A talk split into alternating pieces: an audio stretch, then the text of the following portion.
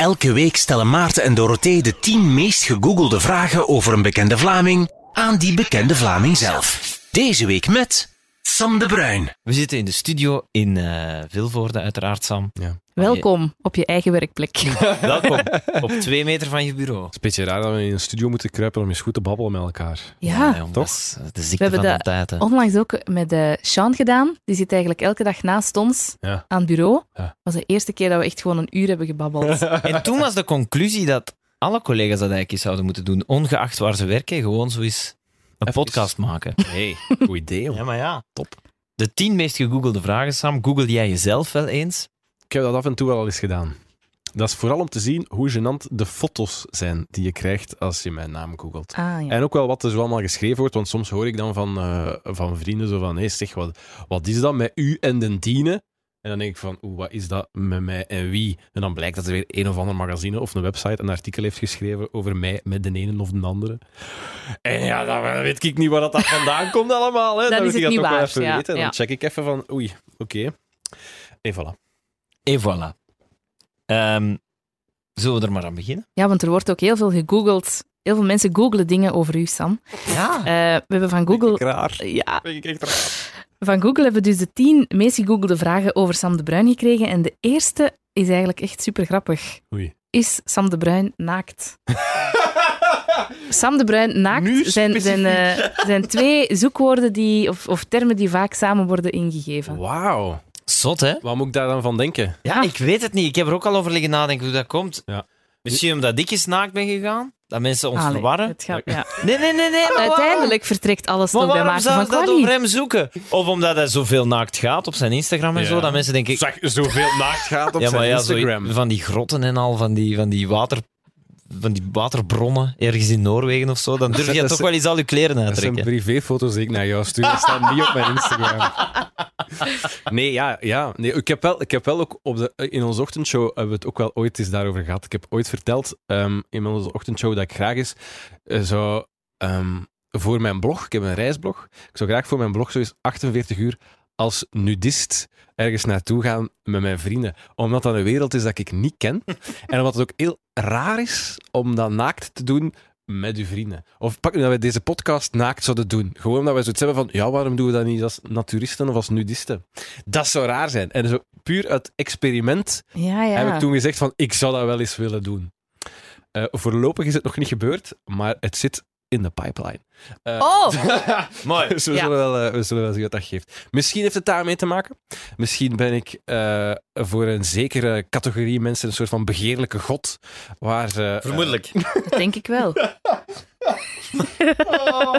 Maar ik vraag, me, ik vraag me wel af, als je dan fantaseert over naakt gaan met vrienden, Ja. 48 uur, Ja. zijn, die dan, zijn die dan ook man en zijn die toevallig dan ook homoseksueel? Want geeft dat dan niet een zekere erotische spanning? Ah, Wel, het gekke is, ik heb zeer weinig vrienden die homo zijn. Eh, Mhm. eh, amper. Mhm. Ehm, wel allemaal mannen. of zo goed als allemaal mannen. Ja. Gek genoeg heb ik vooral mannelijke hetero vrienden. Oké. Dat wel. Ehm, wil dat zeggen dat er dan geen seksuele spanningen zijn? I don't know. Maar dat is, nee, maar dat is part of the experiment. Ik vind dat wel heel, ehm, vind dat wel heel interessant. Want het gaat me inderdaad... eh, Ik zou dezelfde vraag stellen, mocht je hetero zijn en je zou zeggen, ik zou eens graag met wat vrienden en vriendinnen naakt gaan. Ja, Allee, dat geeft dan ook Ja. die bedenking zo van, ja maar? Ja, is niet raar. ja. ja. maar misschien is dat een raar. vraag die naturisten vaak eh, krijgen. Is ook gewoon raar, hè? Kom. Ja, ik denk het ook, hè. Maar misschien daarom wil je het eens proberen. Ik zie het echt als een soort sociaal experiment. Ook een beetje Ja. van hoe anders gaan mensen met elkaar om als er geen kleren zijn. Ja. Hè, dus mijn- je hebt altijd in een vriendengroep een soort, een soort van natuurlijke hiërarchie. Blijft die hiërarchie hetzelfde? Nee, maar echt Of waar. heeft de Maar baas ineens een kleine piemel Ja, en nee, maar- is dat niet meer de baas? Maar is de grootste bek nog altijd de grootste bek als hij geen kleren aan heeft en misschien niet de grootste fluit blijkt te hebben? Is, ik weet dat niet. Misschien, misschien wel. Of misschien verandert dat Maar, de maar hele dat is echt al wel, het experiment is al ver doorgedacht Dat wel, is hè? toch cool, hè? Ja, het is wel heel ver doorgedacht, effectief. Ja. Ja, Oké, ben, maar we kijken uit naar het verslag wel. nu ben Zou ik Als, aan het doordenken. Zou je durven meegaan als een van jouw vrienden nu zou zeggen van, gaan we dat eens doen? Zouden dat doen? Maar hangt het er misschien ook niet vanaf of het zo vrienden zijn waarmee je bijvoorbeeld ooit in de scouts wel hebt gezeten, of zo al Ja. douches hebt gedeeld of Want zo. ik moet zeggen, die ervaring heb ik wel. Hè. Ja, ah, Met wel. twintig blote venten in een beek. Ja, Dat, ja, heb, ja. eh, dat heb ik meermaals gedaan. Oh. Wel, maar, Ja, zou dat is zo. en als was je dat, dat- gewoon in uw vrije tijd? Of, Dat eh, was in allee, mijn vrije tijd. Maar als je dat al hebt meegemaakt, vind je het dan raar om gewoon eens een weekendje naar de Ardennen te gaan en dan zonder kleren een, eh, een pintje te drinken, te kubben, aan het haardvuur te zitten. te spelen? Ik weet het niet. Of ja, zo'n dingen. Is dat dan anders en is dat dan vreemder? Dat was toen wel niet raar. Kijk, interessant. Dat was gewoon, ja, na, na zoveel jaren... Allee, als je dan na zoveel jaren op kamp gaat met de scouts, dan is dat normaal. Zouden vrouwen dat gemakkelijker doen dan mannen? Hmm, dat weet ik niet. Weet je wat ik mij wel Hmm. afvraag? Want dat was toen de zeros, de early zeros. Of dat dat nu niet raarder zou zijn bij de jeugd vandaag. Ja. Omdat die het gevoel hebben dat iedereen altijd een camera bij heeft. Ja. Dat was toen totaal Ah, niet ja. natuurlijk. dat is waar. Dus dat vraag ik mij wel af. Of dat we preutser zijn geworden. Ik vermoed van wel. Zeker, ja. Dus ja. Een soort van tegenbeweging dan, hè. Alle Ja, maar ja, stel je voor dat iemand er een smartphone bij heeft. Dat is toch ook niet tof, hè? Nee, ja. Al wordt dat wel allemaal steeds beter wettelijk geregeld, al dat soort dingen en zo. En eh, helaas zijn er al heel veel foute verhalen naar buiten gekomen. Ja, mensen kijk naar die foto's delen. schepen. Die Eh, schepen vorige Ik week. weet het, maar de- het enige voordeel dat al die gruwelverhalen hebben van naaktfoto's die gedeeld worden, Mhm. is dat wel steeds meer mensen zich ook wel bewust zijn van de gevaren. Eén. En twee, dat we ook steeds vaker weten nu van ja, het is wel ook het is illegaal om Mhm. die foto's te gaan delen als je daar geen toestemming voor Ja. hebt. Illegaal. Je kunt, je, je kunt allee, daarvoor opgepakt worden. Ja, maar dat zei die schepen ook, dat hij het opmerkelijk vond hoeveel inwoners van zijn dorp, Ja. hè, na dat seksfeestje dus, boos waren op de fotograaf. Ja. Dus eh, dat is inderdaad wel een evolutie. Maar stel nu dat de vraag is Sam de Bruin naakt er is gekomen door de grote Maarten van Quali die ooit naakt is gegaan. Niet. Eh, maar zou je ooit zo'n naaktshoot willen doen? Nee. Nee, Als zo- daarvoor, als- ben, ik te, daarvoor ben ik te, te onzeker over mijn, eh, over mijn eigen lichaam. Ja, dat was niet tof, ze. Nee, ik geloof dat. Ik geloof dat echt. Het, dat is ook de reden waarom dat ik dat bijvoorbeeld met mijn vrienden zou willen doen, omdat ik die vertrouw. Ik Ah, vertrouw ja. die door en door. En die mogen met een dikke pen zien en met een kleine Allee, fluit. En. Dan Dikke maakt dat wel pens, niet uit. allee. Nee, nee, ah, maar- daarom was nee, dat nu wel niet. Ik heb, dat heb ik nu wel niet over mijn lichaam. Ik had zoiets Dat van, yeah baby. Maar ik bedoel gewoon dat ik daar zo moest staan in mijn pure zo, eh, vol vooruit. Dat vond ik zo... Nee, ik ben wel redelijk on- onzeker op dat vlak of zo. Ik, voel, Ah, ja. ja. ik had graag wat hotter geweest. Ah, Maar nee, Sam. Allee. Huh? Ja. ja. Ja, maar ja. Dat, is toch, dat zijn toch altijd de raarste mensen die dat zeggen. Hè? Ik was, Ja? was graag hotter geweest, want dat zou ik nu bij u nooit denken. Van, oh ja, Sam, hot is hem toch niet, hè? Nee, in thee, allee ja. En dan ineens zie je jij mij met een blote en dan denk je... Oh, ja. Wow, run, Forrest, run! Allee, kom. We zetten de camera's af. Misschien moet het naakte onderwerp afronden. denk, ja, dat is waar. Allee, nee, of zeg Nee, nee, maar. ik, denk- ik denk eigenlijk net dat door zoiets te doen, ook met mijn vrienden, dat ik me daardoor ook, Ja. ook wel beter op mijn gemak zou kunnen voelen. Of beter oké met mijn eigen, met mijn eigen lichaam. Allee, ik merk dat als ik nu eh, ja, naar, een, naar, een, naar een sauna ga. Ik doe dat alleen maar in het buitenland natuurlijk, want stel dat je een luisteraar tegenkomt Ja. in, in een publieke sauna. Je Ja. dat is toch wel awkward. Ja. Maar dan heb ik ook wel altijd zoiets van, ja, ça va wel. Als ik hier de rest van die lijven zie, het valt wel nog goed mee en dan voel ik me altijd wel beter. Dus ja, dit gaat mij mogelijk ook helpen als ik het echt doe. Snap het. De, de tweede vraag is, is Sam de Bruin getrouwd? Ja, jong. Amai. Getrouwd dat ik ben. Ja, vier jaar al. Al even, hè? Ja. Vier jaar. En hoe lang samen? Tien. Ja. En ik denk dat ik na negen maanden al wist, eh hier ga ik mee trouwen. En hoe kwam dat En dan dan? ben ik beginnen zeggen van, zou jij mij niet eens ten huwelijk vragen? Maar waarom? Ja, maar we hebben hetzelfde gesprek met James Cook gehad. En dan vond Dorothy mij nogal ehm, van een oude stempel, omdat ik echt zo... Ik vind dat een man de vrouw ten huwelijk moet vragen.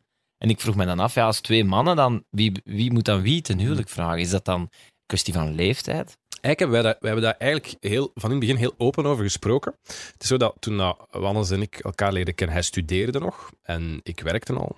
Dus eh, ja, ook financieel zorgde ik ook eigenlijk voor, eh, voor hem. Ehm, en hij had altijd zoiets van, ja, maar ik wil de kans krijgen om u te vragen. Dus ik wil, ik wil wel eerst gewerkt hebben en geld verdiend hebben, zodat ik me erin kan kopen om u te vragen.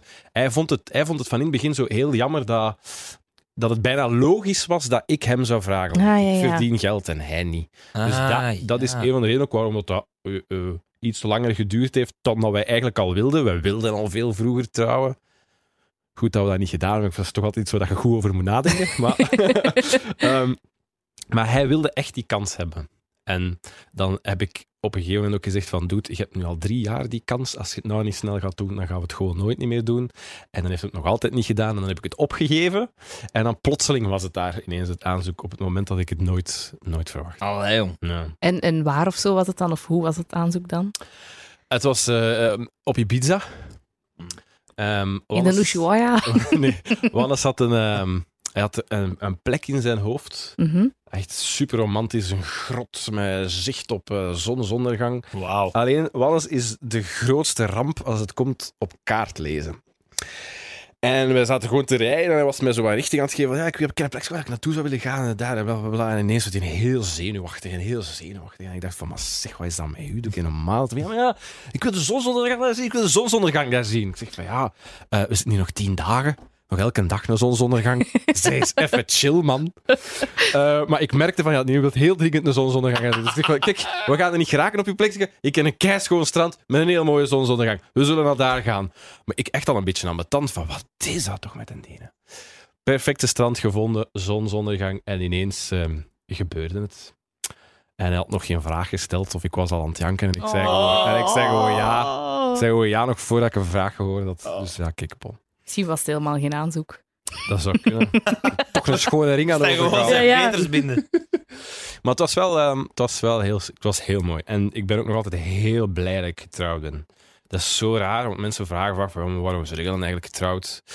Zeker in deze tijden, waarin dat mensen voornamelijk scheiden. Maar ik vind dat echt... Dat is iets, een soort band die je officieel maakt Mhm. en die je op papier laat zetten. Ehm, en dat, ja, dat maakt het zo nog duizend keer echter en intenser dan dat het daarvoor al was. Of zo. Ik weet dat dat stoem klinkt, Nee, nee, ik snap dat, ik snap maar dat, dat echt. is het ja. echt. Maar dat, dat is het. Het is echt zo van... Sorry, we hebben nu echt officieel beloofd aan elkaar op papier dat we forever en altijd bij elkaar gaan blijven. En dat is ook gek genoeg een soort van rust, mentale rust, terwijl dat niet is dat ik dacht dat hij mij ging bedriegen en in de steek laten. En dit dat. Nee, maar toch dat je, dat, dat je die stap durft te ze- ze- zetten om dat plechtig te beloven aan elkaar. Dat was voor mij, ja, de hemel. Dat was goed. Dat was Ah. perfect. Dus begint eraan, hè, van Quali. Ja, ja, ik... eh, Jij maar voelt de eerst nog pressure. dat tweede kind, hè.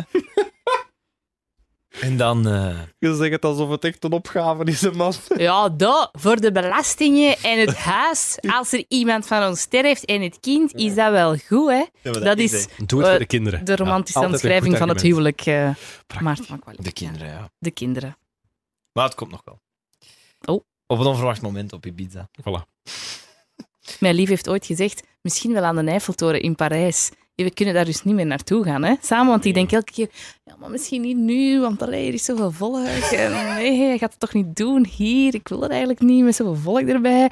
Maar dat is dan uiteindelijk nooit, hè? Maar My god. ik zou dat niet willen met volk erbij. Nee? Ik heb al gezegd, als er mensen bij zijn, zeg ik nee, hè? Maar, Nee, maar ja, zeggen? nee, die zou afkomen met fanfares en zo. En zo, echt zo, weet ik veel, luchtacrobatie en Kijk al. er nu al naar uit. Oh nee, nee, nee. Ik wil echt niet dat er mensen bij zijn. Ja. Zien jullie elkaar eigenlijk veel? Met die ochtendshow en zo? Nee, dat is wel lastig. Dat is wel echt ehm, moeilijk. Maar we, we vinden wel altijd ehm, een manier om elkaar toch te zien of zo. Oké.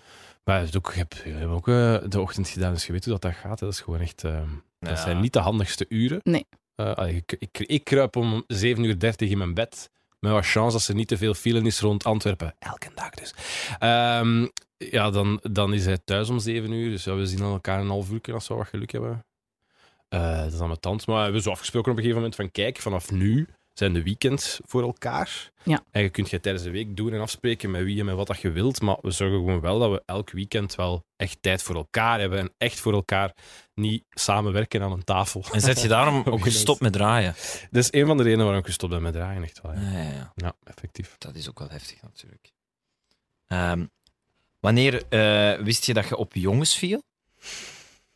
Mm, ik denk vanaf mijn drie jaar. Meen, Allee, hè? jong. Meen echt waar, ja. Ja, Ja. ja. Zonder te weten wat het is of, of wat de definitie is, maar gewoon... Ja, dat, echt, ik was toen al verliefd op de populairste jongen in de kleuterklas. Dat was Zo grappig. Het zal wel. Amai, compleet.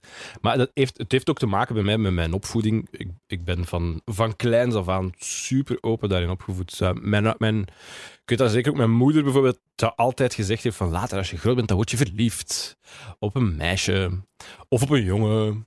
Eh, dat, was gewoon, dat was gewoon zo'n ding. Je wordt verliefd Ja. en dat kan op iedereen zijn dat je verliefd wordt. Ik denk, dat, ik denk echt waar dat dat, dat dat het voor mij zo gemakkelijk gemaakt heeft. Dus je hebt zo geen meisjes gehad of zo, omdat je je verplicht voelde om dat toch eens te proberen? Of om... Ik heb veel meisjes gehad, meer dan dat ik jongens gehad heb. Maar dat was dan omdat ik heel veel goesting had in die meisjes. Omdat je verliefd wordt op die meisjes? Ja, heel hard, ja, absoluut. Ah, ja, ja, Grappig. absoluut. Maar dat kon allemaal, dus dat was... eh, Ja, Dat is ja. bij deze een opvoedingsadvies. ja. Maar ja, want Ja, ik ik, voel er dus supergoed bij. Maar ik vraag me ook af of dat bij iedereen hetzelfde kan. hè. Ik weet dat ook niet. hè. Ik heb veel discussies al over gehad in het verleden. Hè, ooit, ooit heel eh, eruit geflapt van ja, ik denk dat iedereen biseksueel geboren wordt. En dan worden, en dan worden door... Dat is echt zoiets voor op café, hè? Heerlijk. En Dat wordt is echt heerlijk. En dan voor word je door opvoeding en omgeving gestuurd in een bepaalde richting. Ja, nog een duvel. Ja, oké, we zijn vertrokken. Ja. Is dat zo of is dat niet zo? Dat is de vraag. Ja, want, allee, ja. Ik, ik ben Ja, wel zo vrij het- opgevoed. ergens- hadden, hadden mijn ouders nu van in het begin gezegd van ah ja, jongens, jongens, we vallen op meisjes en verliefd op meisjes. Wat was, wat Ja. was er dan gebeurd met mij later? Zou ik dan nog eh, op mijn dertigste plotseling eh, toch nog voor de mannen gegaan zijn of niet? Of, of zou dat er sowieso altijd in gezeten Ja, ja. Ik vind dat ergens toch altijd bizar dat er geen issue ook over is. Hè. Ik bedoel, het maakt ook niet uit. Je wordt gewoon op iemand verliefd. Mhm. Who cares? Of dat dat... Toch vind ik het altijd grappig dat die vraag wordt gesteld.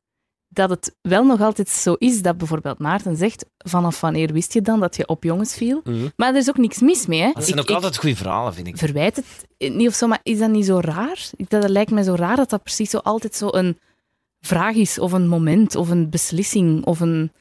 Terwijl, ja, ik Maar- weet ook niet wanneer ik de eerste keer op eh, een jongen in mijn klas verliep. Allee, snap je? Ja, het is niet ja, dat ik dan heb... ja.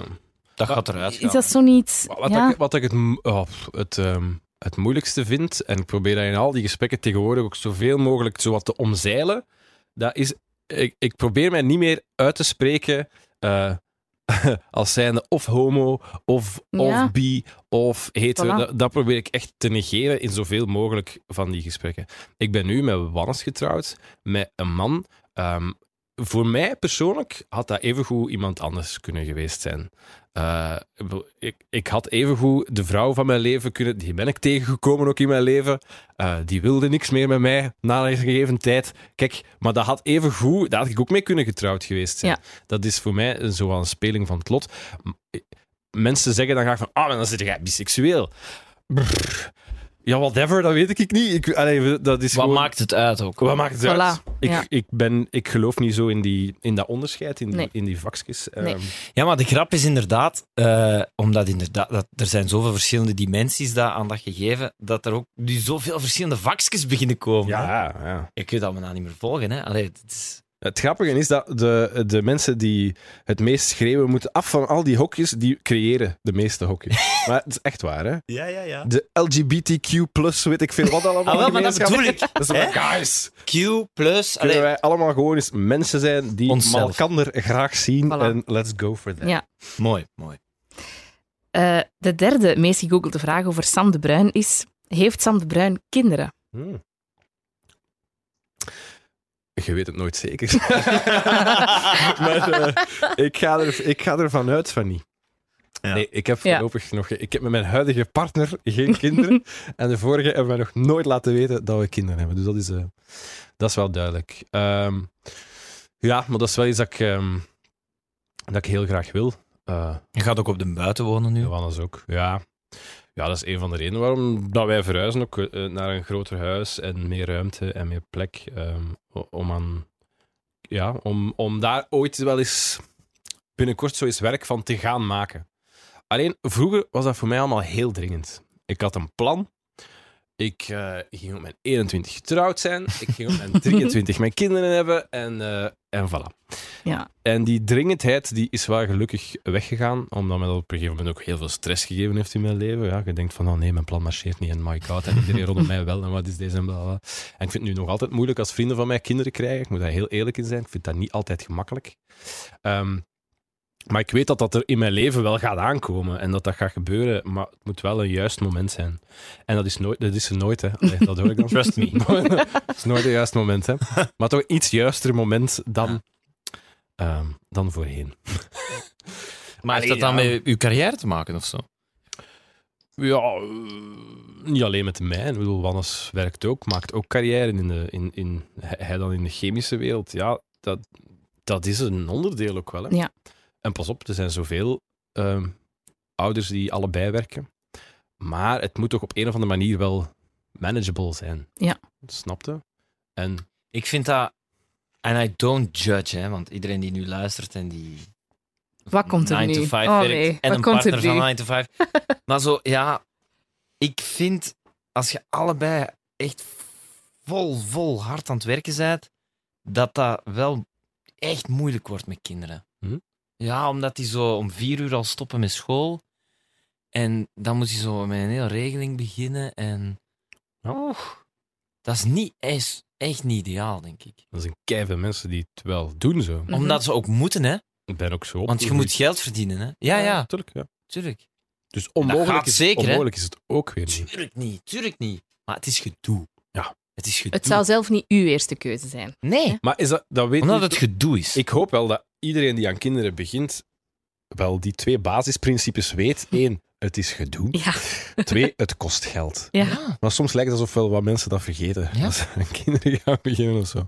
Moet daar wel bewust van zijn, Mhm. denk ik. Ja. Ja, en dan bij ons is het vooral natuurlijk eh, ja, hoe we dat praktisch gaan aanpakken. Dat is ehm, een andere zaak. Maar we hebben daar veel over, ehm, veel en lang over nagedacht. En dat is nu wel eh, duidelijk. Maar je bent nu toch aan het knallen, hè? Je zou over vijf jaar kunnen zeggen: Goh, ik ga eens een keer een weekendprogramma doen. Of, eh allee, snap je? Of is Ja. het mij op een andere sector? Of weet ik veel. Ik spreek nu, allee, ik, ik, ik, ik zie mezelf het ook niet meteen doen, maar ja, ik ken mijn eigen. Ik denk ook niet echt dat ik zo Nee. doen. Het is alles of niks. ja. Ja. Moeilijk, hè? Ja. Ja. Maar, eh, op, als het moment daar is, dan denk ik wel dat je een, een manier vindt. Ja. Zoiets. Ja. De vierde meest gegoogelde vraag, feit is te zeggen, ze zitten niet echt in volgorde. Het zijn gewoon tien vragen en dit is de vierde. Hoe is Sam de Bruin bekend geworden? Hmm. Ja. Dat is wel een goede vraag. De eerste keer dat ik u heb gezien was eh, toen Studio Brussel Brudios Tussel werd of zoiets. Dat is Omdat je met Peter iets deed, Peter Ja. van de Veire, s'avonds. Ja. En dan, dan weet ik nog dat hij u belde of zoiets. Ah, dat jij een niet. nieuwe DJ waard. Ja, dat is heel, st- heel snel. Even. Eh, Maar hoe oud was je toen? Want eh, ik was zelf nog heel jong, 20. denk ik. Ja, voilà. 20 was ik toen. Maar ik ben eigenlijk eh, begonnen op mijn 16 bij TV Brussel, regionale tv-zender. Eh, daar heb ik zo'n jongerenprogramma gedaan, samen met andere mensen die ook allemaal eh, zowat bekender zijn geworden daarna. Peter Piepe, die voor Ketnet is gaan werken. Ja. Ben Roelands, die zo Vlaanderen vakantieland gedaan heeft. Ehm, eh, Iris Dingskes van Vanda Vanda, die dan op Radio 2 eh, ook nog programma's gedaan heeft. Enfin, Ja, zo ja. he- heel wat eh, verschillende mensen en profielen. Dat hadden wij een jongerenprogramma samen. Dat heb ik even gedaan. Maar ja, dat was ook alleen maar Brussel natuurlijk. Dan ben ik gaan studeren ehm, woordkunst eh, aan het Herman Tijlink Instituut in Antwerpen. En dan kreeg ik daar les van ehm, Peter van de Veire. Die gaf, die gaf radioles. Dat was een van de eigenlijk zijvakjes in die eh, opleiding. Ja, want woordkunst is toch, het is misschien kort door de bocht, hè, maar zo'n beetje... Komt-ie? Nee, nee, maar is dat niet een beetje de... de... Wat? Zeg maar, zeg maar. Nee, nee, nee, laat- laat Nee, maar gewoon, is dat niet een beetje de, de match tussen eh, bijvoorbeeld radio en drama? Zo die ongeveer... Kort Ja. door de bocht, maar Ja, zoiets, inderdaad. om het makkelijk uit te leggen. Ja. Ongeveer. Of niet? Simpel uitleggen, ja, daar komt het een beetje op neer. Een beetje, ja, een beetje media en een beetje the- theater. eh, Ja, oké. Heel simpel uitgelegd. Ja, maar zo richting kun je niet uit. Allee, dat is, Nee, ik heb is zelf radio aan het rits gedaan en Ja, je zou ja. denken, ah, je leert dan om radiomaker te worden. Maar ik, Ah, ging het is naar die- meer ik, dan deed- dat. ik deed woordkunst om op het podium te staan. Ja, dat was ja, mijn, mijn roeping, een vrij artistieke bobo toen. Eh, ik, wilde, ik wilde zwaar teksttheater gaan brengen. eh, Allee, jong. Ja, ja, ja. Volledig mijn ding. En dan had ik daar ook dat zijvakje met Peter van de Veire. Ik had nog nooit van die mens gehoord. Maar daar werd heel gewichtig over gedaan op school. Van wauw, we hebben hier een docent kunnen strikken. Jongens, speciaal voor jullie. Wow, wow, wow, wow, wow. De grote Peter van de Veire. Zei me niks. Dus je luisterde ook op dat moment niet. Totaal niet bezig met radio. Maar echt totaal, totaal niet. Maar in die lessen ben ik daar zo hard verliefd op geworden. Niet op Peter, maar op, die- op het vak ehm, Hmm. radio. En hij zei ook van, ja, bitte, kom eens, kom eens testen bij, ehm, bij Studio Brussel. We zoeken zo voor Studio Dada. Eh, zoeken we wat, wat jongeren die eens iets wat willen proberen. Dus ik eh, stuur mijn cv op, krijg direct een mail terug. Ja, fijn eh, dat je hebt ingeschreven. Je bent te jong, niet geïnteresseerd. Ja. Dacht van, zeg, hoe zit, hoe zit dat hier eigenlijk? Zo toch niet? Volgende jaar heb ik weer mijn cv inge- ingestuurd en dan mocht ik zo wat dingetjes proberen in de zomer. En dan ben ik ehm, ja, gebeld tijdens de zomervakantie om te vragen of ik, eh, of ik daar eh, een vast programma wilde doen. Elk weekend de Hit 50 presenteren. Dus eerst was ik zo van, yes, ik mag radio gaan maken bij Studio Brussel. En dat was van, ah, de Hit 50. Dat is alles behalve de Studio Brussel muziek. Dat was toen echt de hitjes, hè. Dus daar heb ik Ja, ja, ja. alles, de Britney Spears en, de, en alles wat, ik, wat dat eigenlijk de max is, maar niet thuis hoorde op die zender, dat mocht ik dan doen. Eh, en dan enkele maanden later was het de verjaardag van Studio Brussel. Hebben Ja. die groot event gedaan en alles omgedraaid op die zender. En ik deed toen s'nachts een programma met Peter van de Veire, Ja, tegelijkertijd op Canvas werd uitgezonden. vandaar. En dat was toen ongezien. Nu denkt iedereen van, ja, ja whatever. Maar dat was toen ongezien dat radio op de nationale televisie werd uitgezonden. Ik heb toen ge-sms'd en ik heb gestuurd, ik zie uw tepels. Nou, van wie? Naar Van Peter. Sam, Naar ah. Peter. En echt tien seconden later deed hij zo. Zo echt zo, oh, zie je mijn tepels? En ik dacht, wow. Dat was wel tof. En sindsdien heb ik allee, gevoeld wat dus een luisteraar moet voelen als Ja. wij reageren op een bericht. Snapte? Was super, Die magie. super interactief. Die en magie. heel direct Ja. en heel absurd. En alles kon en alles mocht, inderdaad. We hebben heel veel programma's geparodieerd. We hebben toen Wie wordt de man van Sam gespeeld. Omdat, bijvoorbeeld zijn we echt op zoek gegaan naar een man voor mij. Ehm, Zalig. dus ja, dat was wel, dat was wel lachen. En Dus dat het is wel- door hem dat eigenlijk dat je hier zit. Ja, ja, ja. Oh my god, bij mij ook. ja. Oei. Ik ben ook bij hem in de studio geweest voor een eh, werkstuk Ja. voor school. En ik heb die toen bezig gezien en ik dacht, wow, what the fuck is dat hier met dit medium? Ja. En dan sindsdien heb ik gedacht, oké, lock, Ja. radio maken. Grappig. Dat is wel zot, hè? En hij, hij- hij, blijft ook zo'n soort van eh, mentor. Gek genoeg, ook al vraag ik daar niet om. Oké. Maar hij, hij, hij, hij luistert naar bijna alles dat ik, eh, dat ik doe. Allee, ik wil niet zeggen elke uitzending, maar als ik sowieso een ander programma doe, of een nieuw programma, of een speciale actie of zo, dan heeft Peter het altijd gehoord en dan zal hij mij altijd een berichtje sturen. Allee, jong. Of om mij uit te lachen omdat het zo slecht was, of om mij eh, te zeggen dat ik er onmiddellijk mee moet ophouden omdat het veel te goed is en omdat er niemand nog naar zijn programma luistert. Ehm, dus ja, dat is wel fijn. Ik vind dat wel heel leuk om dat contact zo af en toe te, Ja, te houden. tof. En dan is eigenlijk ja, de bal een beetje aan het rollen gegaan. Hè? Dan Ja. andere programma's en Ja, ik, heb de, TV. ik ben in C nogal een luie.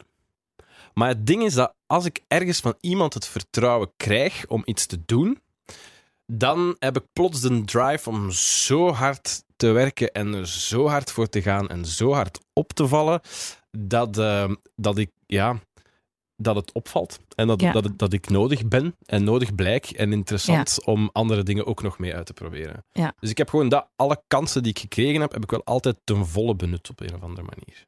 Dus als iemand u afbreekt, krijgt u daar geen energie van om het beter te doen. Want zo heb je ook mensen, hè. Het is het vertrouwen dat je wel nodig hebt. Ja, ja, ja, ja. Ja, Ja. ja. ja.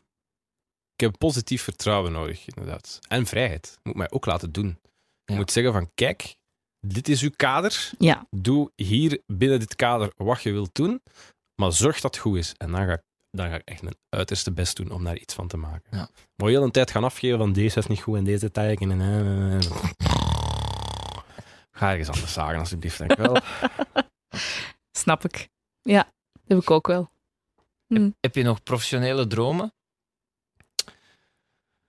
Ehm, ja, amai, veel. Oké. Ja, veel. Ook, ook veel buiten dit. Dus eerst wil ik de Vlaamse media domineren. dat is echt totaal overdreven. dat We hebben we- onze quote, we hebben onze quote. Ja, dat kunnen we wel afvinken eigenlijk. Hè? Dat is, niet waar, dat, is, dat is totaal niet waar. Nee, ik wil, wel- ik wil wel altijd gewoon... Zo, wat, wat media betreft wil ik altijd en nieuwe dingen blijven doen. Dus iets dat ik ook heel mijn eh, carrière heb gedaan, is wel, zo wat dingetjes proberen. Hè? Nieuwe, nieuwe dingen. En radioprogramma's die zo tegen een paar schenen schopten of die muziek draaiden, waarvan dat iedereen zei van ja, dat is toch niks voor op de radio.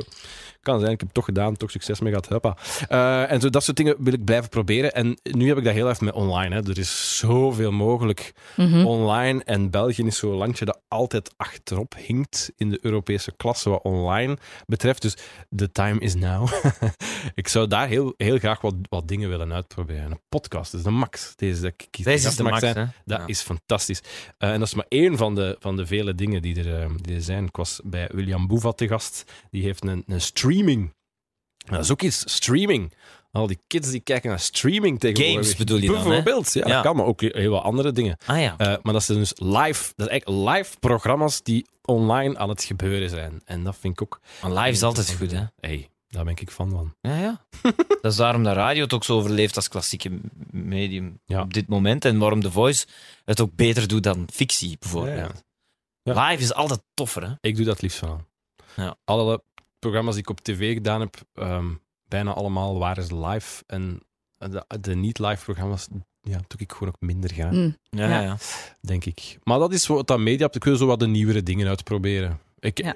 ik heb wel, dus zo is het arrogant om te zeggen, ik heb op mijn, nu op mijn 31 het gevoel van, ik heb wel al wat bewezen. En waardoor, Tuurlijk, dat ik, waardoor dat ik ook zo niet het gevoel heb van, ik, ik moet... Ik moet keihard blijven, dit en dat. Ik heb zoiets van, nu kan ik wat mijn goesting doen en ook af en toe eens wat experimenteren en wat dingetjes uitproberen. En eigenlijk de, de, de grote dingen die ik wilde bereiken, heb ik, heb ik bereikt. Het is daarom dat de vraag zo relevant is, vind ik, voor iemand die de ochtendshow presenteert bij Q-Music. Ja. Wat zijn uw dromen? Dus dat is wel interessant. En de vijfde vraag sluit er een beetje op aan. Zit Sam de Bruin op Instagram? Nogal. ja, maar ik heb daar een zeer haat-liefde relatie mee met, dat, met alle sociale media. Echt zeer groot haat-liefde. Ehm, ik ben daar heel verslaafd aan. Ehm, ik zou daar liefst gewoon vanaf willen. Ik zou daar liefst allemaal willen verwijderen en weggooien en nooit meer mee bezig zijn. Maar dat gaat dan ook niet door de job die we hebben.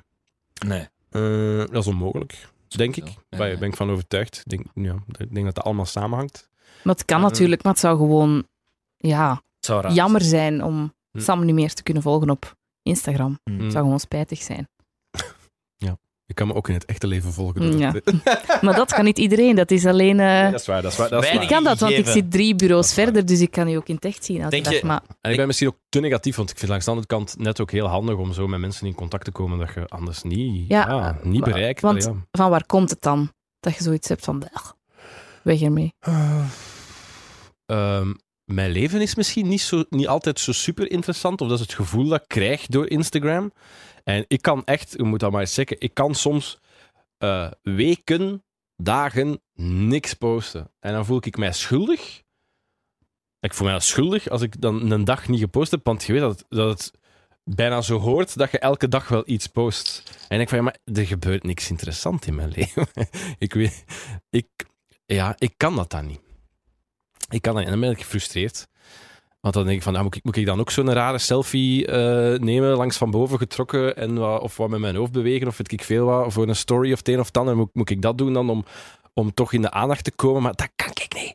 Dat is... Ah, dat dat, dat, dat Ja. botst van binnen. Ja. Ik wil heel graag dingen delen als ik ergens trots op ben in Ja. mijn leven, of als ik iets tof gedaan heb, of iets grappigs zie, of, dan wil ik dat graag doen, maar zo echt bewust moeten iets posten, omdat het hoort dat je vaak post op Instagram.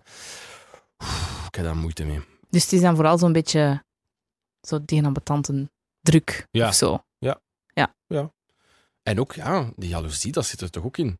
Je ziet andere mensen constant toffe dingen doen, wat ook niet waar is, hè. maar je- dat lijkt alsof dat iedereen constant toffe dingen aan het doen is. En dan denk ik van, fuck, mijn leven, wat ben ik aan het doen met mijn leven? Ik ben, niet- ik ben, ik ben niet elke avond iets tof aan het doen. Die mensen ook niet, hè. Maar ja, tuurlijk, maar het is toch ook logisch dat je de niet toffe dingen die wilt je toch ook niet per se delen, om dezelfde reden die jij net hebt gegeven. Dus Hmm. is dat ook ergens niet gewoon logisch? Goh. Allee, als je vroeger in de 90s vakantiefoto's trok, was dat ook niet van de ruzie in een auto. Hè? Nee, dat is wel waar. Nee, nee maar ja, uiteraard. Hè, dat is Dat Ja, zeggen heel veel mens, mensen. Hè. Je wordt wel heel een tijd geconfronteerd met oh, en die is daar aan het eten. En oh my god, die is op dat festival. En... In de 90s niet verplicht om die foto's met iedereen te Nee, delen. voilà. voilà. Dat deden we wel niet. Dat was geen... Dat was iets voor je eigen. Goh, ik En misschien voor wat vrienden. weet Misschien. dat niet. Als ik die foto's nu bekijk, dat is toch ook gewoon lachende gezichten met schoon landschappen. Nee, ze, Ja, zijn we tuurlijk, niet altijd maar- al zo geweest als mens? eh, ja, maar je deelde die dan niet per se met iedereen. Nee, maar ja. En je wachtte ook niet op de likes erop. Dat wel. Maar dat, dat ben ik... Maar dat is dopamine, hè. Ja, maar dat is erg. Hè. Dat is, dat is, dat is letterlijk dopamine, hè. Een like, dat voelt je goed, hè. Dat is echt erg. Ja. Ik zit zo in een ding van, als ik geen duizend likes op een foto heb, dan ben ik gefaald. Ken het? Dat is, Natuurlijk dat is belachelijk. Dat is echt belachelijk. Moet ik zo is dat niet denken? belachelijk.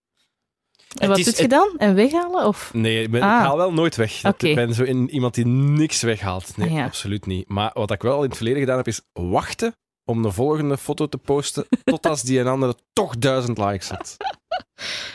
Oké. Maar daar heb ik ook mee gestopt, want sommigen halen echt nog lang geen duizend. dus ja, wel, best wel. Ah, toch raar, hè? Wat zoiets onnozel met ons doet. Ja, maar, Maar weet het maar, is wij ook- zijn, wacht, maar wij zijn volwassen mensen. En ook al worden we daar misschien soms wel tand van, wij kunnen daar wel mee omgaan. Ik ben wel echt oprecht heel bezorgd voor ganse generaties van, van kinderen en jongeren die daarmee opgroeien, die nooit iets anders hebben meegemaakt en die van in het begin met die stress in aanraking komen. Ja. En ik maak me er echt zo zorgen over, want alle psychologen en psychiaters die zich gaan moeten ontfermen over die, over die kinderen, ehm, die, die ze weten ook niet hoe dat ze dat moeten doen, want die hebben dat ook niet meegemaakt. En dat is een zeer groot probleem, waar veel te weinig aandacht voor is. En is één van de redenen, en ik meen dat, hè, dat is één van de redenen waarom dat ik ehm Rode Neusdag bijvoorbeeld, Mhm. waarom dat ik dat echt zo belangrijk blijf vinden om daar aandacht aan te geven.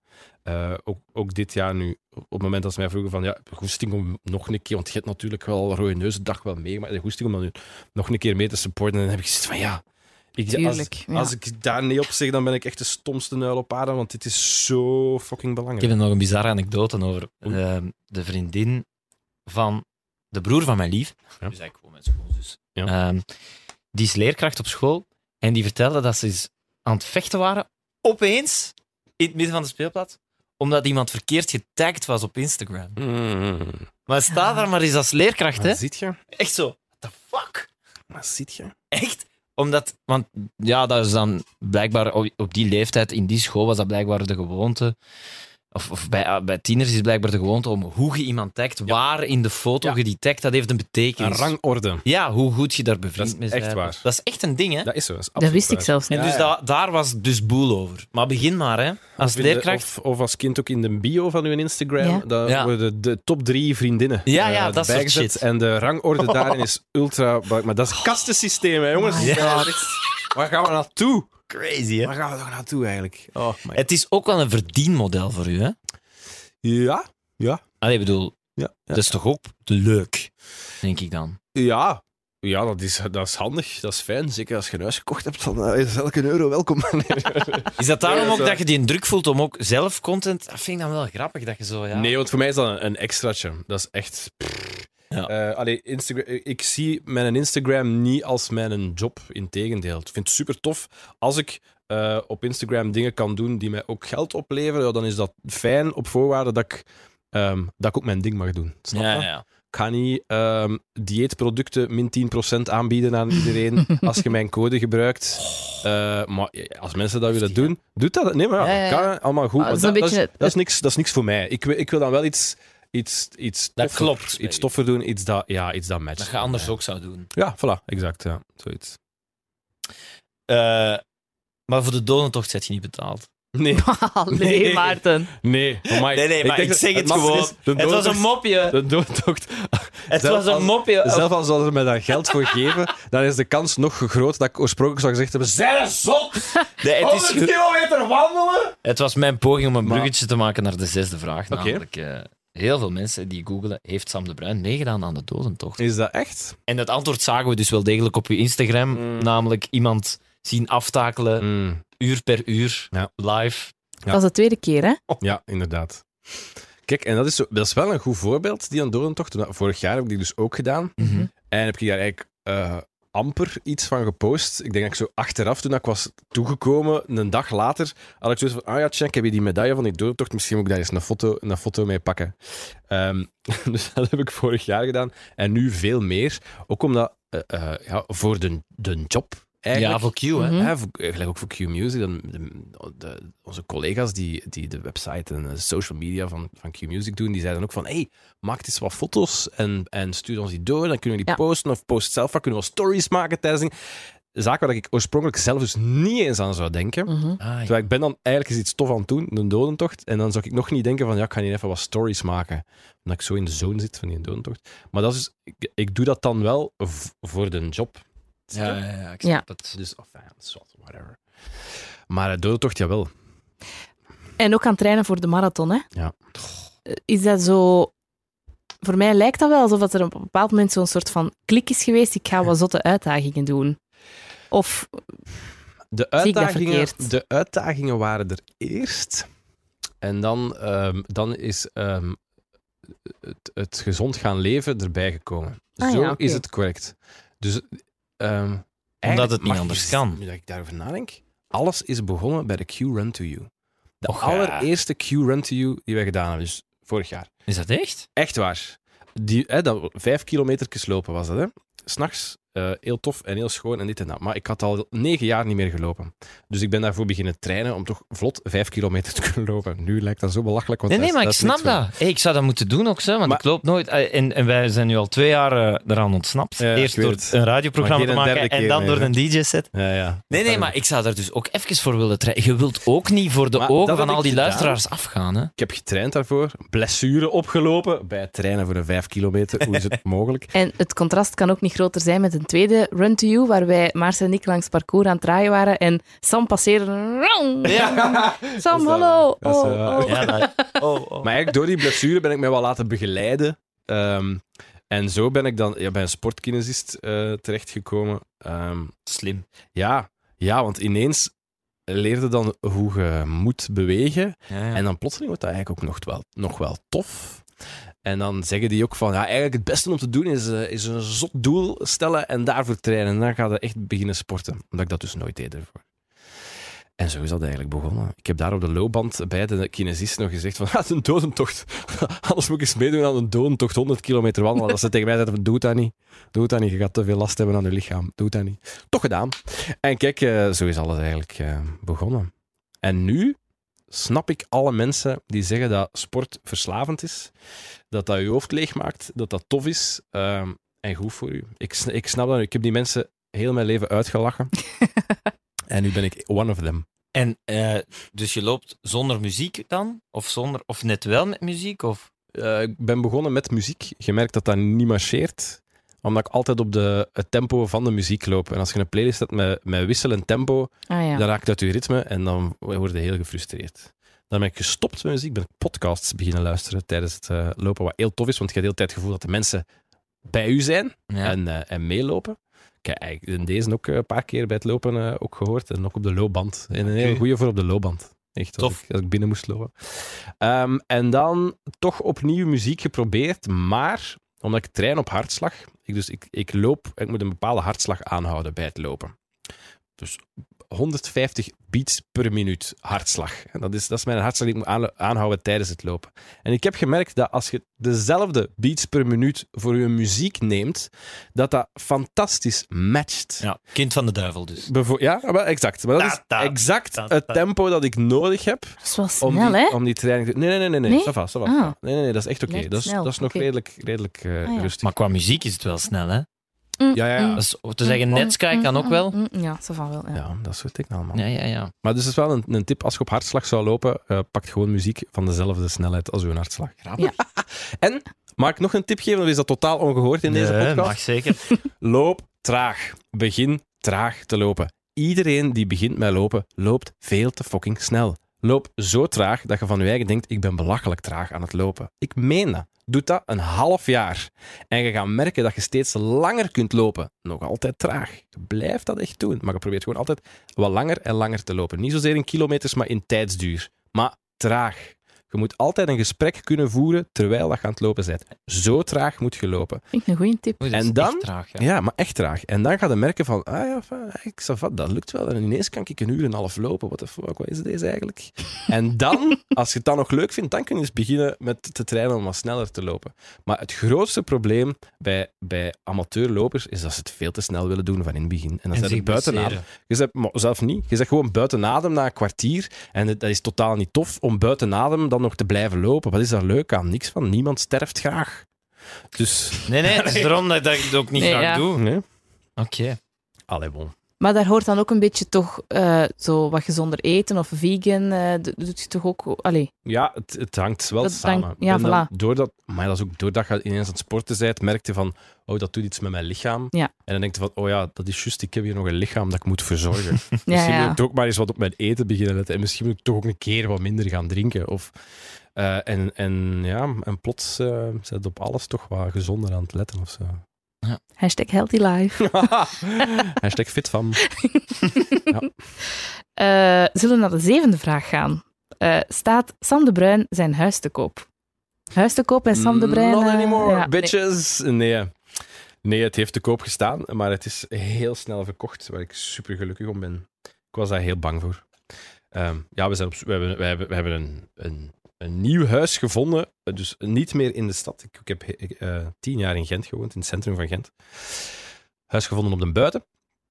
En dan moest ik natuurlijk, om dat te kunnen betalen, mijn huidig huis in Gent wel eh, verkopen. Want zo rijk is ik nou ook weer niet. dat ik twee huizen kan wezen voor geen beter.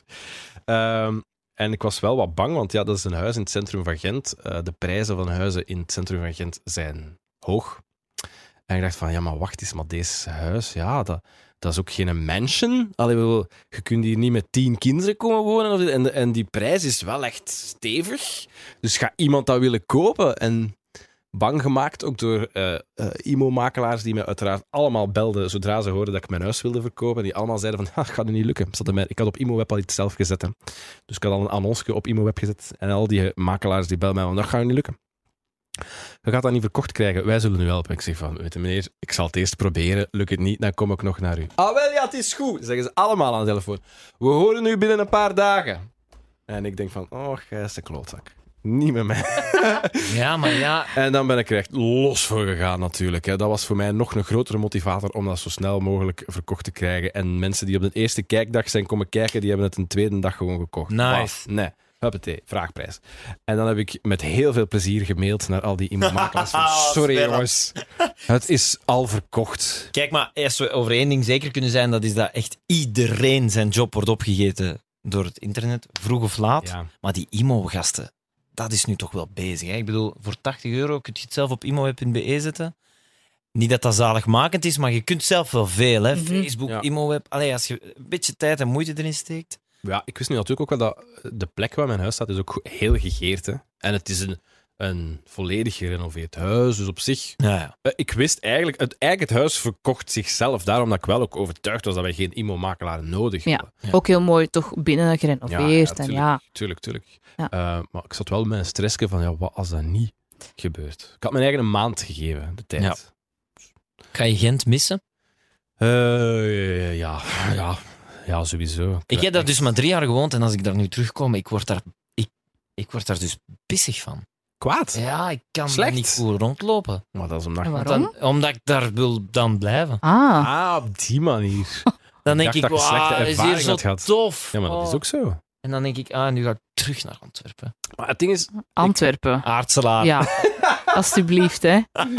Ja, maar nu ga ik terug naar Antwerpen, Ide. Dan niet, naar Maar- Aartselaar. Ik ga wel op de buiten wonen, maar dat wil ook niet zeggen dat ik nooit meer in Gent ga komen. Al mijn vrienden wonen daar ook nog, dus Ja. ik zal daar nog geregeld zitten. Ja, Eh, oké. Maar is ik het, aan. het nieuwe huis wel gekocht, zo met de hier gaan we oud worden? Ja. Met dat in het Ja, achterhoofd? volledig. Hier gaan we oud worden. Dit is voor de rest van ons dagen. Hier is ruimte genoeg voor eh, maximum negen kinderen. Eh, dus, eh, een beetje huisjesmelken dan wel. Zeg, dan ook maar een kuisvrouw, man. Want als je dan van negen kinderen... Ja, zeg. Hallo. Ja, je moet die belastingen doen zakken, hè. dus wat dienstenchecks, kuisvrouw, dat is in orde.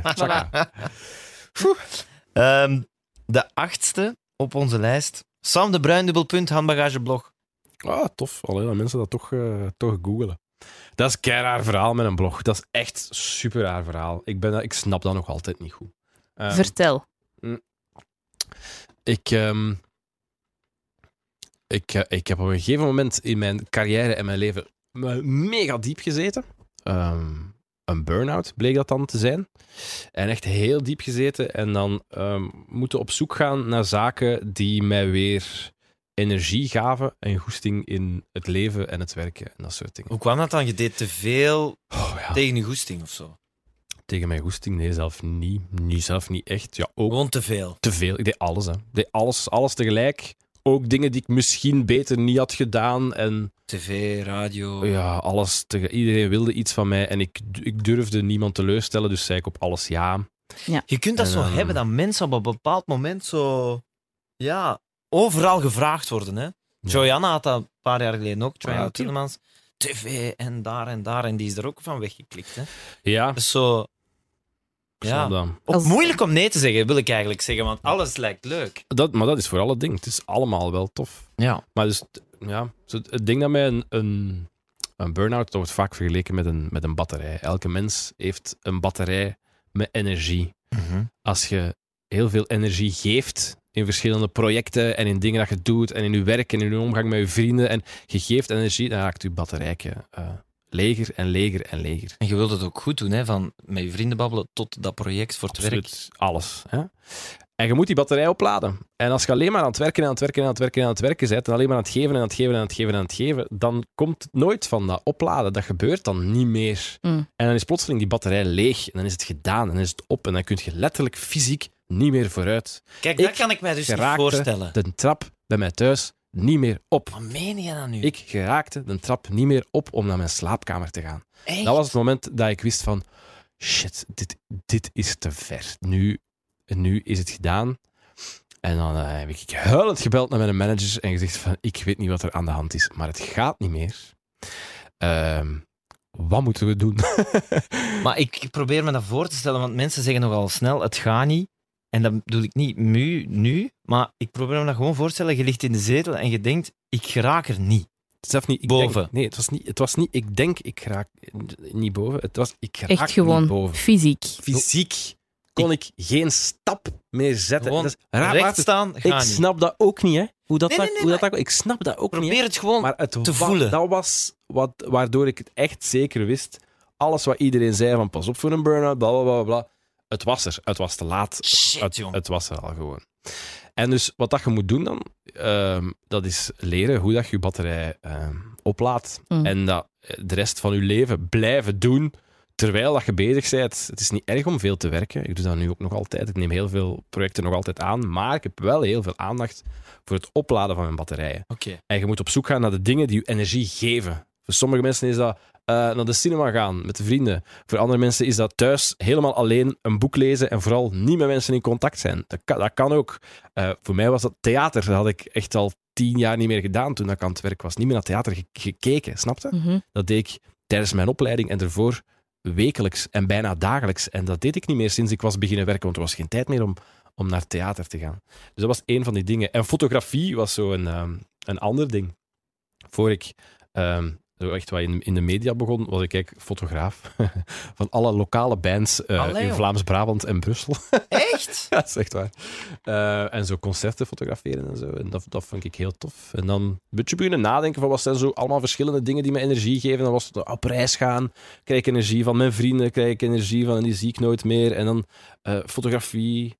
En dan was het ineens zo, ja, met, met een van mijn beste maten, de Arnoud, dat ik daarover bezig was. En die zei van, hé, hey, man, dus we moeten een reisblog beginnen. Dat heeft alles samen. Ga, Ah, gewoon, ja. ga gewoon met je vrienden op reis. En dan dacht ik van, godverdomme. Hoppa, doen Ja. we. En dat was echt dus puur voor mezelf, eigenlijk therapie. Dat was mijn reisblog, gewoon Mhm. therapie. Fuck. En dan vanaf de eerste keer dat ik daar iets op postte, sprongen alle kranten daar plotseling op. En ineens had dat duizenden bezoekers. En dat is eh, niet meer geminderd. Integendeel, dat is alleen maar erger en erger geworden. En ik heb in het afgelopen jaar misschien maar twee dingen gepost op die een blog. En ik heb nog elke dag eh, een minimum van 7500 bezoekers. Elke fucking dag, maar dat is, dat is absurd. want Dat is ik- echt ik doe- absurd. Ik doe daar niks op. Allee, of amper nog iets op. Binnenkort gaat dat weer komen, maar er is echt amper nog iets op gedaan.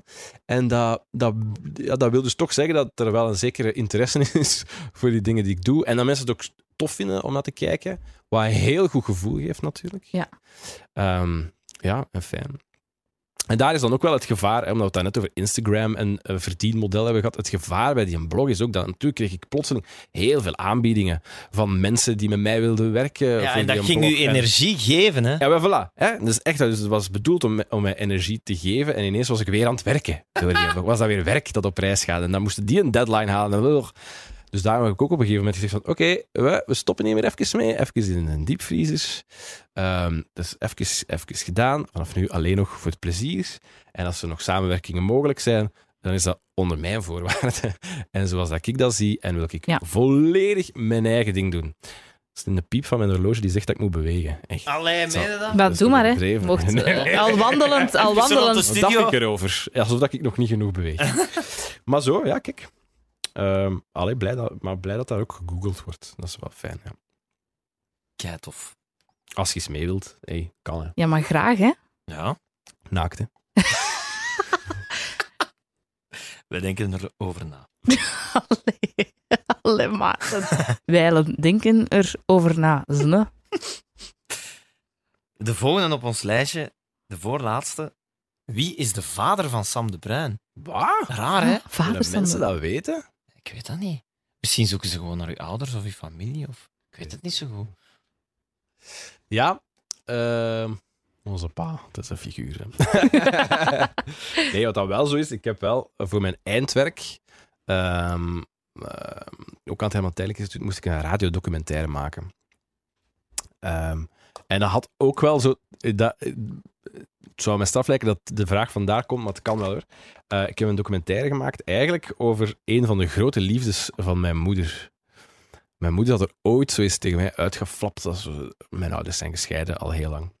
En af en toe wordt daarover, ge- zelden, maar heel af en toe wordt daar zo eens over gepraat. En ineens flapte die er zo uit in een of andere collega van, ja, dat als ik het liefst gezien heb, was de Spanjaard. Oh, Spanjaard, Spanjaard, Spanjaard. Bleek ehm, een, een, eh, apotheker in Spanje eh, te zijn. Eh, Roberto was zijn naam. Die mijn moeder had leren kennen toen ze daar op uitwisseling was. Ze heeft Spaans gestudeerd en dus ze, ze zat geen... En daarna wilde ze daar niks meer over zeggen, want ik wilde meer informatie. Ik dacht, ah, ah zo. dat is uw grote liefde. Is er nog, eh. Ja. En ik ben die voor die documentaire ben ik de Roberto gaan zoeken. Mhm. Ik wil daar wel meer over weten. stoemweg, omdat, maar dat is echt stoemweg. En je bent jong en je begint te veel na te denken over het leven. Ik ben nogal een bruine hè, van uitzicht. Ik heb nogal een bruine huid. Hè? Sam. Ons vader is een bleekscheet. Dat wil je niet Misschien zo toch Je een beetje in de zon komen. Spaanse Je kan- roots, Je dacht kan jij. niet in de zon komen. Samos de Brona. Mijn vader is ook nogal een die nogal op zijn centen zit. die nogal goed elke euro in twee bijt. Love hem daarvoor. Veel van geleerd. Ik ben totaal tegenovergestelde. Ja. Spend, spend, spend. Iets op de bank. Helaas. En je begint van alles te zien. Ons vader kan niet tegen een drank. de Sam drinkt al eens scheiden een pintje. Dus allee, als je jong bent, ineens dan, dan begin je zo te flippen. Ineens was ze van... Ja, maar wacht eens, wacht eens, wacht eens. Ons moeder zegt dat ze verliefd is geweest op een Spanjaard. Ik lijk op een Spanjaard in tegenstelling tot ons vader, die totaal geen Spanjaard is. Wat is dit eigenlijk? Ja. Dus ik ga naar Spanje. Ik ga naar Salamanca, vliegtuig op met mijn beste vriendin. Echt Wat? gewoon een dag ervoor gebeld van... Zeg, eh, ik kan nu ticketten boeken voor de vlieg. Zet er mee? Ja, oké, let's go. En, En kon, het, kon het qua timing dan ook, of wat? Want... Ja, dat was een week, had een weekend. Hè. Ik had Nee, nee, gewoon- maar ik bedoel... Wat dat- Ja, nee. Ja, maar- Natuurlijk niet. Maar nee, Ah, natuurlijk niet. Dat was, oké. dat- het was echt... Maar je nee. wilde die mensen ontmoeten. Het was totaal onmogelijk, maar plots zag ik wel een goed verhaal. En, Ja, het- en in mijn Tuurlijk. in mijn hoofd Ja, op ja, dat ja. moment kon het. Ja, snap ja. je? Ja, ja, Maar ja. nee, natuurlijk kon dat niet. Mijn vader is gewoon mijn vader. Alleen ga ik vanuit natuurlijk. Ik heb geen DNA-test gevraagd. Maar ik denk dat het wel zo is. Eh, en dan ben ik op zoek gegaan in Salamanca, of all places. En ik sprak geen, eh, geen woord Spaans. Kinderen spreken ze geen woord Engels. Dus ik had zo een boekje, een vertaalboekje. dat ik echt zo, maar echt zo woord voor woord te zoeken. Ja, nu hebben we Google Translate. Ja, ja. Toen dus niet, hè. En dat was echt... buscamos un hombre con nombre Roberto. Dat, dat was, ik weet zelf nog altijd niet wat dat oké Spaans Maar- is. Dus zo ben ik rondgegaan in heel Salamanca. En als je in Salamanca vraagt naar Roberto, er zijn er Ja, veel. want ik ging het net vragen. Je had dus geen familienaam. Alleen Roberto. Nee, Roberto had ik. En ik wist dat hij ook in een apotheek gewerkt had eh, op de Rua Mayor in eh, Salamanca. Ah ja, ja, oké. En daarmee ben ik aan de slag gegaan. Eh, en met die documentaire heb ik dan ineens ook een prijs gewonnen. En dat was dan wel zo het ding. eh, waarmee dat ik ook eh, op de Nederlandse radio is die ook uitgezonden. En dan ook op Radio 1 later in België. Ja, ja, ja. En, en Ja, en wordt blijkbaar nog steeds als voorbeeld ge- gebruikt in verschillende opleidingen eh, in ons land. Journalistiek en eh, radio hier en daar. Dus ik was zo van, hey, tof. Ja, ah, wel, maar dat klinkt nu misschien heel onnozel, hè, maar ik heb ook zo ehm, in mijn opleiding heel veel dingen gehoord van heel veel mensen en ook heel veel dingen zelf gemaakt. En je kunt zo soms in twee zinnen die iemand vertelt over een idee, zo echt direct denken, amai, ik wil dat door. En dat heb ik hierbij ook super hard. Ja. Ik ben nu totaal geen kenner of zo, hè, maar je kunt dat zo voelen. Ja, Ja, toch, je zit toch geschoold daarin. Ik bedoel, ja, maar ik bedoel, mening over hebben. je hebt al heel veel dingen gehoord en ik heb al heel veel pitchen gehoord van twee zinnen en zo. En dat is zo echt een idee waarvan je denkt, ja, ik wil dat horen. Ja. Staat het nog ergens online of zo? Ik weet het niet. Ik, maar ik kun je vind dat het niet in podcastvorm online zetten? nu. Dus nu, als ik dat nu herbeluister, is dat mega gênant. Jong. Echt, Maar ja, dat doe er een inleiding bij, hè? Ja, ondertussen ben ik natuurlijk veel eh, gescholden. En, Maar het, was, het was wel tof om het te doen en om het te maken. En heel spannend ook wel. En ook, eh, heeft ook emotioneel eh, ook wel wat raar. Hm. Ja, omdat je ineens... Want je hebt hem dus gevonden. Of Ah, maar daarvoor moet je is luisteren. er Daarvoor een... moet je Ah ja, luisteren. oké. Ja, oké. Maar uw mama wist die ervan. Ja, die was kwaad dat ik ging zoeken. Ja, Die had zoiets van... Laat die mes toch gerust zot. Eh, ja, maar het was wel grappig. Maar ze was stiekem ook wel benieuwd of dat ik hem zou vinden. Hè? Ja, Dat ook wel. Oh, zo spannend. dan komen wij aan eh, het slot van Oh, deze podcast. De laatste. Eh, mensen vragen zich af hoe ze u kunnen bereiken. Hoe kan ik Sam de Bruin bereiken? Jongens, het is 2018. Kom zeg. Dat is wel waar eigenlijk. Hè? Hoe, hoe kunnen mij niet bereiken? Ehm, alle sociale media. Behalve LinkedIn. Heb ik nooit begrepen. Nee, ik ook niet. En ik krijg... Mm. Ik denk dat ik ooit eens heel lang geleden, maar ik herinner mij dat zelfs niet, misschien gewoon zo mij eens heb ingelogd, maar niks heb opgezet. Ik krijg altijd zo van die mails zo van... eh, ja, hij heeft nog eens een verzoek gestuurd op LinkedIn. En dan denk ik, oh, moet mij daar eens op uitschrijven of dat eens verwijderen of zo. Want ik vind het zo belachelijk. Ja. Ja. LinkedIn? Tot je buiten ligt, dan is het handig. Hè? Dat is wel waar. Hè? Als, je, als je een job zoekt, denk ik wel dat het nodig is. Ja. Ik ken mensen die echt Ja. zo een toffe job hebben door Maar LinkedIn. zeer veel. Hè. Dat is Ja. waar alle eh, ja, HR-mensen gaan zoeken en gaan Recruiters. kijken. En recruiters, headhunters. Ja, die zitten Ja. daar allemaal. Ik heb niets dat- gezegd, maar ik vind het onnozel als, als misschien gewoon zomaar nu. Ja. Maar de vraag was dus waar Ja, kunnen mensen mij bereiken? Inderdaad, dus Instagram of zo. of, eh, Instagram, Twitter, Facebook.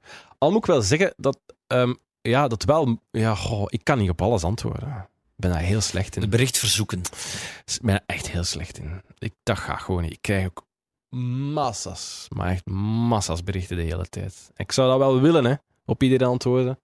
En, eh, en ik zou dat kunnen doen als niet iedereen onmiddellijk na uw antwoord nog een bericht zou sturen. ja, ja, ja. Ja, dat zei Ben Wijts ook, dat hij dan vaak iedereen beantwoordt, maar dat mensen dan een gesprek beginnen Ja. en dat je dan met honderd dat is gesprekken zit. moeilijk. Dat is wel moeilijk. Dat is moeilijk, ja. Dus het leukste is, kom gewoon eens naar een van de vele events die we met Q-Music doen. En kom daar eens babbelen of zo, weet ik veel. Ja, we komen af en toe wel eens buiten, dus dat is ook wel fijn. We komen af en toe eens buiten. Nee, dat is maar dat is, dat is- Of tijdens de uitzending is een, eh, een berichtje via een app. Hè. Ja. Fijn, hè? Dat zie ik ook wel. Hè. Maar ja, kan, het spijt me, maar ik kan niet voor iedereen goed doen. Ik heb daarmee leren leven. Vroeger vond ik het erg. Vroeger vond ik het echt heel erg, maar nu... Dat is in het algemeen ook gewoon zo. Hè. Dat gaat zelfs niet alleen over Nee, ja. berichtjes Nee. beantwoorden, maar je kunt nooit Nee. voor iedereen goed Maar doen. soms zijn mensen er kwaad over en dan vind ik dat jammer. Maar Tja. dat, dat, dat, ja, Hoort er dan? daar Ja, hoort het of- dan van mij, ja. vrees ik. Ja. Ja. Kan ik u doorverwijzen naar mensen die u kunnen helpen met uw verdriet daarover? Ja, wel, maar ja, wat moet ik doen? Maar ik Ja, kan, maar niet, ja. iedereen, ik kan niet iedereen zomaar geven wat hij wil. Nee. Dat gaat niet. Dat klopt. Ik ben getrouwd, zeg.